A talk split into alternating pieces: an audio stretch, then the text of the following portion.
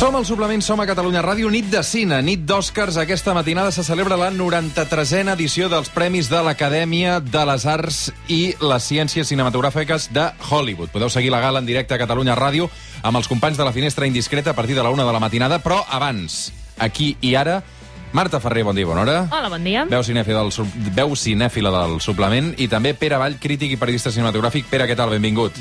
Encantat. Com estàs, Pere? Tot bé? Molt bé, molt bé. Nerviós.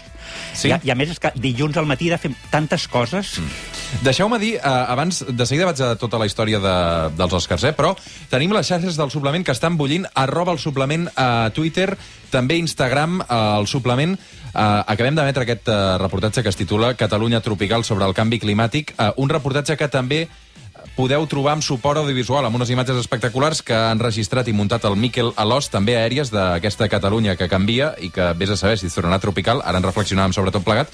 Per tant, eh, si voleu veure també i recuperar aquest reportatge tant en format ràdio com també amb algunes imatges espectaculars, arroba el suplement a Twitter i també si entreu a l'Instagram del programa, on també, per exemple, Pere Vall, hi trobareu algunes imatges de l'entrevista que ahir vam fer amb Elisabet Casanovas, que m'has explicat abans d'entrar que t'havia cridat l'atenció.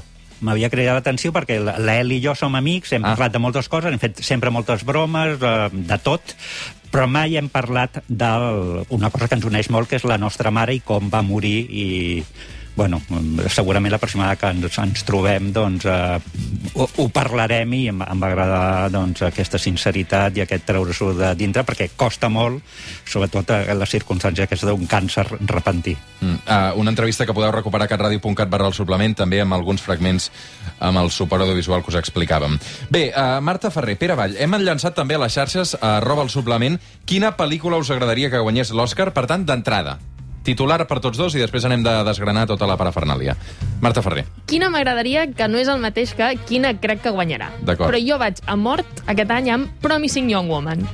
Pere Vall? Uh, jo també. Ah, sí? Uh, sí, sí, sí, sí. Uh, segurament després discreparem i tindrem els nostres punts de vista diferents, però jo crec que una pel·lícula provocadora, creativa, polèmica, que no deixa indiferent, uh, molt ben uh, tractada estèticament i narrativament, i amb sorpreses com aquesta, doncs està molt bé que hi sigui. Molt bé, doncs a veure, abans d'en- d'entrar en, en l'1 per 1 de, de cada pel·lícula, especialment les que estan nominades a, a millor pel·li, claus d'aquesta gala, Marta Ferrer, perquè entenc que serà presencial, eh? Sí, serà presencial, eh, cosa que no hem vist eh, en, en moltes gales. Per exemple, aquí no tenim el, el referent dels Goya, que va ser de manera telemàtica. Els Gaudí sí que van ser presencials. En aquest, en aquest cas, els Oscars han volgut apostar pel format presencial perquè diuen que volen oferir una gala entretinguda, divertida, que la gent no s'adormi. Recordem que en els últims anys eh, les audiències dels Oscars no han estat el que eren. Eh? Cada cop eh, hi ha menys gent que, que es connecta a veure'l, no? que, que encén la tele eh, ja als Estats Units, aquí ja, ja no en parlem, però als Estats Units eh, les audiències són bastant baixes. Eh, volen intentar reflotar-ho en un any una mica complicat i han dit que, que serà presencial, però amb el que seran dues seus. Uh, la que ha estat la seu fins ara, que és el Dolby Theatre, que és el, aquest mític lloc on sempre s'han fet els Oscars, o des de fa molts anys es fan, uh, i després una altra, que serà la Union Station de, de Los Angeles, que no sabem ben bé exactament què s'hi farà, uh, no han donat gaires pistes, perquè suposo que també volen uh, que sigui una sorpresa, no?, i que tot sigui una mica, doncs, uh, a última hora, no?, i que la gent se sorprengui, uh, però sí, també per garantir, doncs, aquest aforament, no?, que evidentment uh, serà més limitat que el d'altres anys.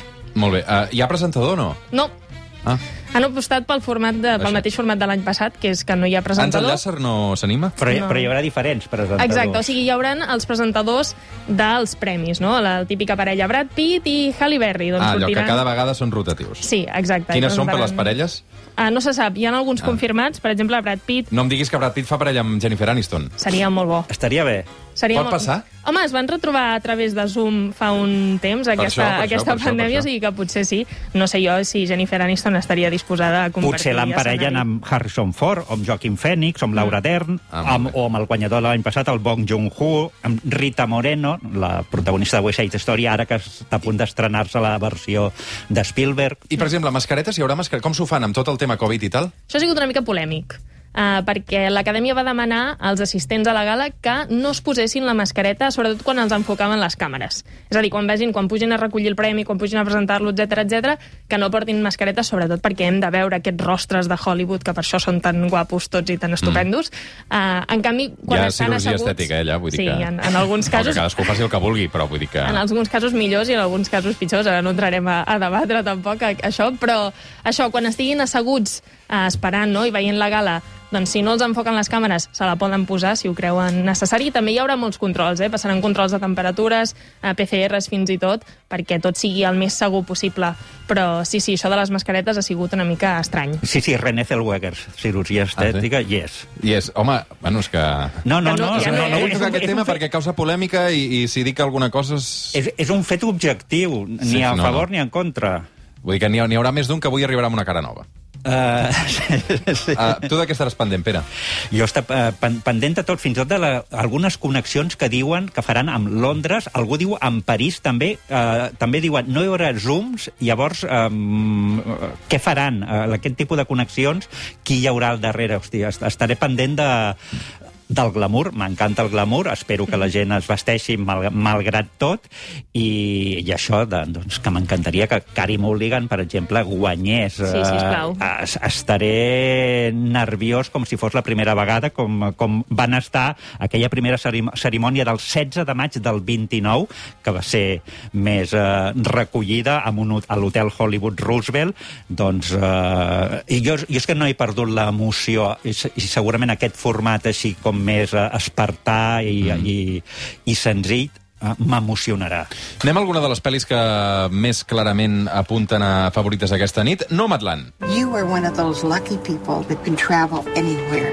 Yes, ma'am. And they sometimes call you A veure, Nomadland opta una mica a tot, no?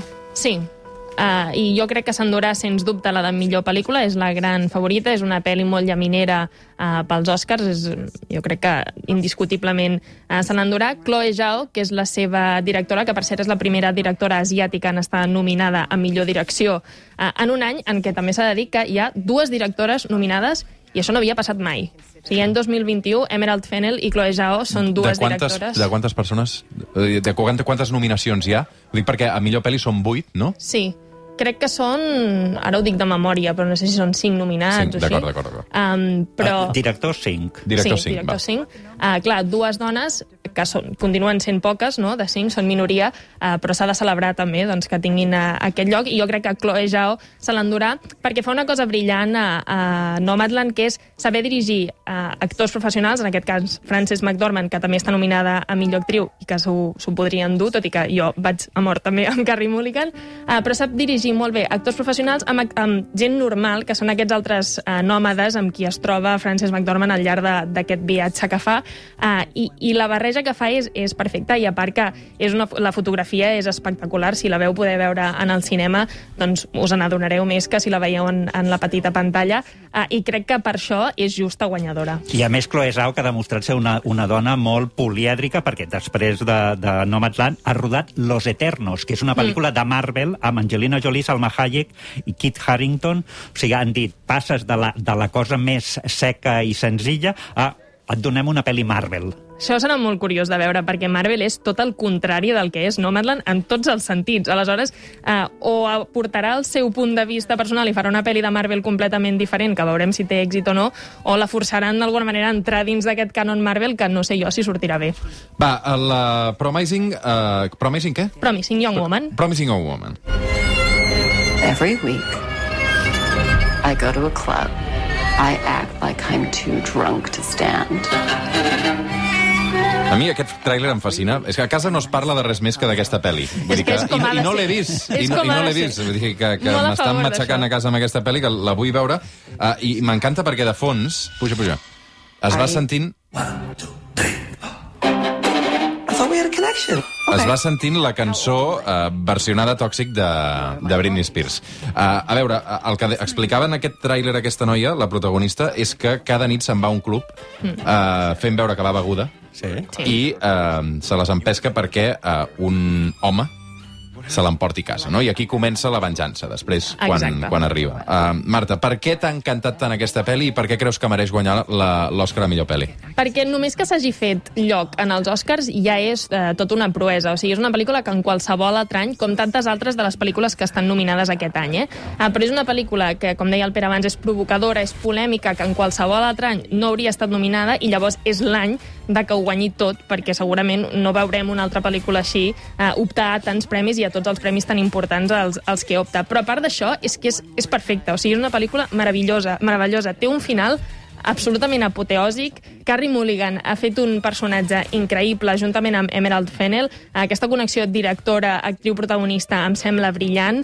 Eh, Que Emerald Fennell hagi- eh, s'hagi llançat a l'estrellato d'aquesta manera amb tant d'èxit em sembla eh, increïble. Eh, té un guió meravellós, ple de girs que no t'esperes, que estan molt ben escrits, que estan molt ben desenvolupats. Eh, I això que deia també abans el Pere, no? que ha creat tota una estètica i tot un llenguatge eh, com molt seu, molt característic i que no hem vist en cap de les altres pel·lícules d'aquest any. Pere. Absolutament d'acord, i afegeixo una dada doncs, que Emerald Fennell és la Camila Parker Bowles de la sèrie The Crown. Ah. Mm. Ah. Hi ha molta gent de The Crown que està... Saps que he vist el tràiler i no me n'havia donat? Sí.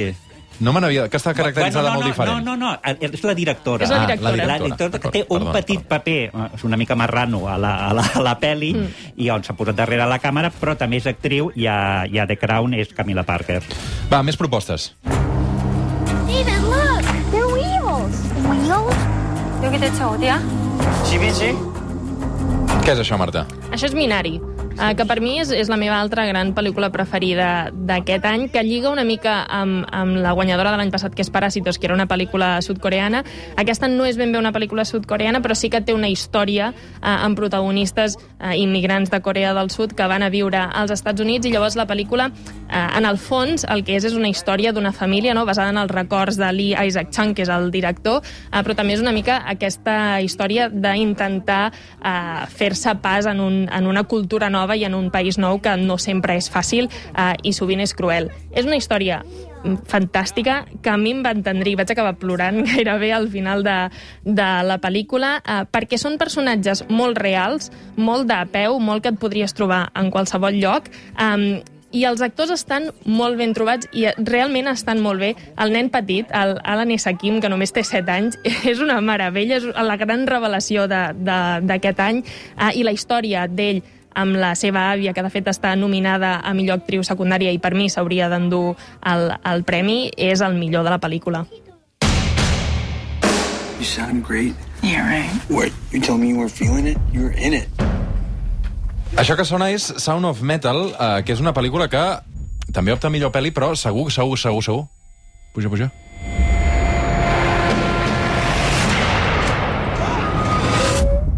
L'altre dia parlàvem amb l'Àlex Gorina i em deia aquesta segur que s'emporta millor so. Mm. Perquè és una pel·lícula que eh, retrata eh, la vida difícil d'una persona que es queda sorda, no?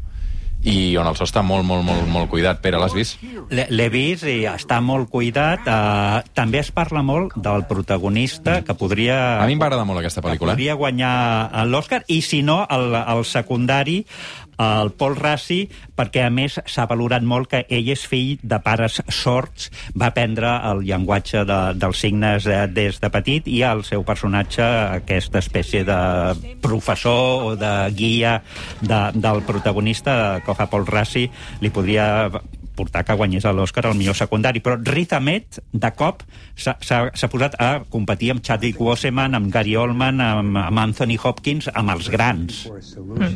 Doncs, eh, com- ho veus? T'ha agradat aquesta, Marta, o no? A mi m'ha agradat mm, perquè és una experiència, no? Tu, en el fons, estàs vivint el que està vivint aquest protagonista. Com a pel·lícula, eh, crec que és una d'aquestes que segurament no hauria optat en millor pel·lícula, segur que hauria estat nominada en millor so, eh, i Riz Ahmed hauria estat nominat perquè per mi hauria de ser, d'alguna manera, el guanyador. Jo crec que el, el Òscar a millor actor se l'endurà Chadwick Boseman, eh, se'l criticarà segurament, pobre, perquè va morir i molta gent dirà que se la, li han donat no? o li han atorgat eh, perquè ha mort i serà més un, un Òscar a la seva carrera. Jo crec que Matt Rainis Black Bottom eh, ho fa molt bé i també seria just guanyador de, de l'Òscar, però crec que Riz Ahmed realment, que és un actor que ens ha anat demostrant al llarg dels anys que pot fer molts papers i que els fa tots eh, molt bé, és el gran punt fort de, de Sound of Metal, sens dubte. Doncs veurem què passa. Va, més propostes. Date of birth? Friday, 31st of December, 1937. You're living with your daughter at the moment? Yes, until she goes to live in Paris. Aquest és de Father i, i aquest és Anthony Hopkins, pot ser? Sí, és Anthony Hopkins, que també està nominat. Uh, jo vaig tenir la sensació veient The Father que era de les últimes grans uh, actuacions d'Anthony Hopkins que, que estàvem veient a la, a la pantalla. Anthony Hopkins, que per cert, si l'heu seguit a les xarxes És socials... molt divertit. Veureu que fa uns vídeos una mica estranys, si més no, que a mi em fan patir una mica per la seva salut. Uh, però sí, uh, The Father és una pel·lícula molt dura, uh, que explica una situació molt dura que a molta gent li resultarà molt familiar i, i molt propera, que és uh, Anthony Hopkins, que és aquest uh, home gran que comença a perdre el cap, comença a perdre la memòria, i la veritat és que la proposta que fa d'explicar aquest tema, que s'ha explicat moltes vegades, uh, a mi em sembla molt original, i també una mica com de, de pel·lícula de por, perquè tu estàs veient aquesta pel·lícula i estàs patint, perquè t'estàs posant en la pell d'aquest personatge i realment la realitat que retrata és, és dura i molt dura d'empassar. Bueno, és que Anthony Hopkins té aquest somriure malèfic sempre, no?, que, que Sí. segons com pot ser... Bueno, per, suposo perquè també l'imaginari el tens amb, amb els... Va, amb, amb el silenci de, de, dels anyells, que va ser el seu únic Òscar perquè ha estat nominat per Lo que queda del dia, Nixon, Amistat i Los dos papes. Potser ja li tocaria una altra vegada. Hello, Spot. How are you doing today? How many days have been in quarantine? Això és el tall d'un dels vídeos d'Anthony Hopkins. En aquest cas està parlant amb un gos de mentida mm. uh, i, i li està preguntant que quant de temps porten de quarantena uh, i després ell mateix fa del gos bordant. Um, és una cosa absolutament surrealista. Recupereu-la al Twitter d'Anthony Hopkins, si podeu. Repeat after me. A veure, això què és? Això és Judas and the Black Messiah, que per mi és un dels grans errors d'aquestes nominacions, és la doble nominació dels dos actors protagonistes, i dic protagonistes perquè són protagonistes uh, d'aquesta pel·lícula, que són Daniel Kaluuya i la Keith Stanfield, que tots dos estan nominats a uh, millor actor secundari, quan en realitat clarament la Keith Stanfield, que el coneixereu de la sèrie, per exemple, Atlanta, eh, doncs és el clar protagonista i no entenc per què no. Bueno, ell mateix, eh, de fet, va, va expressar la seva estupefacció a través de les xarxes socials quan va veure aquesta nominació. Um, és una pel·lícula que està basada en fets reals, que és la traïció de Fred Hampton, que era president líder de les Panteres Negres a Chicago, uh, per culpa de William O'Neill. Fred Hampton és Daniel Kaluuya, que el recordareu de, de moltíssimes pel·lícules, entre altres Get Out, uh, i William O'Neill, que és aquest la Keith Stanfield. Um, I és absolutament brillant. Tots dos estan molt bé. Uh, la veritat, Daniel Kaluuya fa un paperàs perquè té un personatge que és molt llaminer, uh, una mica més llaminer que el de la Keith Stanfield, tot i que realment l'interpreta molt, molt bé. Uh, I d'alguna manera és una oda no, a aquest passat, a aquesta història negra dels Estats Units i que és molt propera. De fet, la, de les coses que més impacten d'aquesta pel·lícula és veure-la i, i adonar-te que no ha canviat res no? des dels anys 60 perquè eh, continuen havent-hi assassinats indiscriminats a, a persones negres que van pel carrer, eh, un sistema polític i, i de justícia molt corrupte eh, i aquesta setmana en especial que hi ha hagut eh, doncs el, el, el cas aquest de, de Derek Chauvin, no? la sentència de Derek Chauvin per, per l'assassinat de George Floyd, eh, doncs jo crec que està més d'actualitat que mai. Aquestes són algunes de les claus d'aquesta gala dels Oscars que podrem seguir a l'antena de Catalunya Ràdio a partir de la una de la matinada amb els companys de la Finestra Indiscreta. Uh, de nominacions pel que fa a millor actriu, qui, qui, qui opta aquí? Aquí, eh, Carrie Mulligan, Mm. Frances McDormand, també? Frances McDormand, Frances McDormand, que... Que recordem aquell discurs fantàstic que va fer fa uns anys, no? Sí. El, Sí, sí, ahir sí, la sí. Gemma Herrero el recuperava el, el Prohibit parlar de futbol, en què va fer uh, posar de peu a totes les nominades. Uh, jo crec que se l'endurà. És, és, uh, em, em sabrà greu perquè crec que és per Carrie Mulligan, uh, però Frances McDormand sempre ha sigut una de les grans uh, favorites de l'Acadèmia, s'han dut altres Oscars en altres anys, i realment Nomadland, si funciona per alguna cosa, és pel gran paper uh, que fa Frances McDormand, que realment te la creus en tots els papers que fa, però aquí jo crec que una mica més i tot. I... Serà més curta aquest any la gala o no? Perquè ho dic que a vegades... Això, això diuen, això diuen que, Que ho serà- prometen que, cada any, que, no? que serà més curta, depèn de les connexions. Frances McDormand, si guanya, es posaria ja en el grup aquest dels que tenen tres Oscars, amb Jack Nicholson, Daniel Day-Lewis, la Ingrid Bergman i la Meryl Streep, i haurien de algun dia arribar a Catherine Hepburn, que en té quatre. Doncs a veure què passa. Ho seguirem a l'antena de Catalunya Ràdio a partir de la una de la matinada i fins que s'acabi. Pere Vall, Marta Ferrer, moltes gràcies. Marta, parlem d'aquí una estona els arguments universals. Fins ara. I de seguida tornem amb el Roger Mas i el David Caravent. Nou capítol del Demà ho deixo. Fins ara. El suplement, amb Roger Escapa.